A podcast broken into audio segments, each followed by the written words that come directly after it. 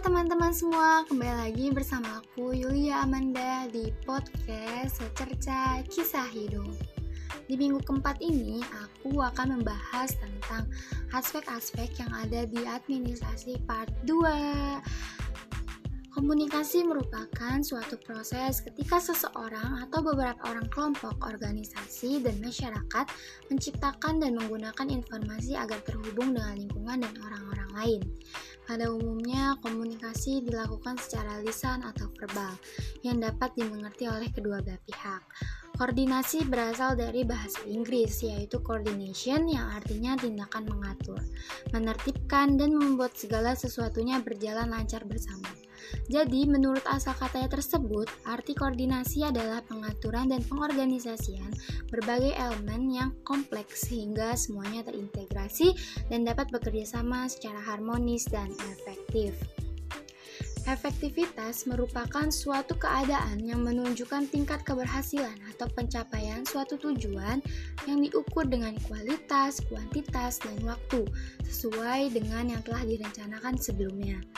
Efisiensi merupakan sebagai ketepatan cara dalam melakukan sesuatu dan kemampuan dalam melaksanakan tugas dengan baik dan tepat tanpa membuang waktu, biaya, serta tenaga.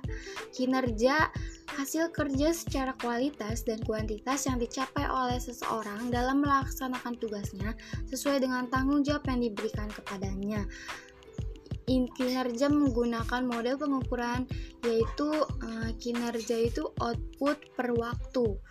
Sedangkan produktivitas merupakan hubungan antara keluaran yang dihasilkan dengan memasukkan yang dipakai pada waktu tertentu.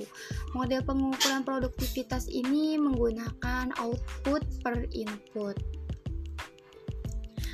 Lalu ada terdapat 6 kriteria untuk mengukur kinerja. Di antaranya yang pertama kuantitas, yaitu berapa banyak yang dapat dikerjakan dibandingkan dengan target yang direncanakan. Yang kedua ada kualitas, yaitu kesempurnaan dari tugas terhadap keahlian karyawan.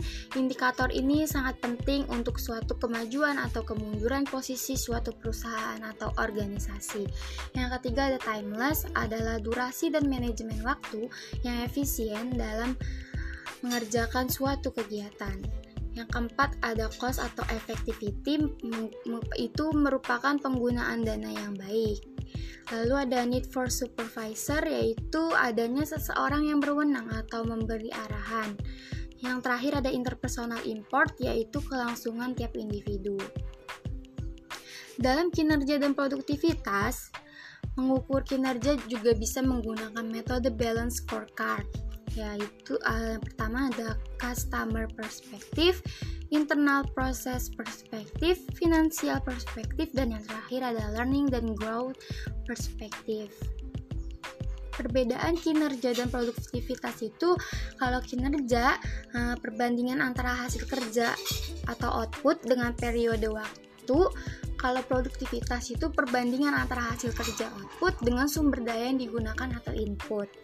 Yang kedua itu kalau kinerja itu pembagi kinerja adalah waktu yang dibutuhkan, sedangkan produktivitas itu pembaginya adalah sumber daya yang digunakan atau input.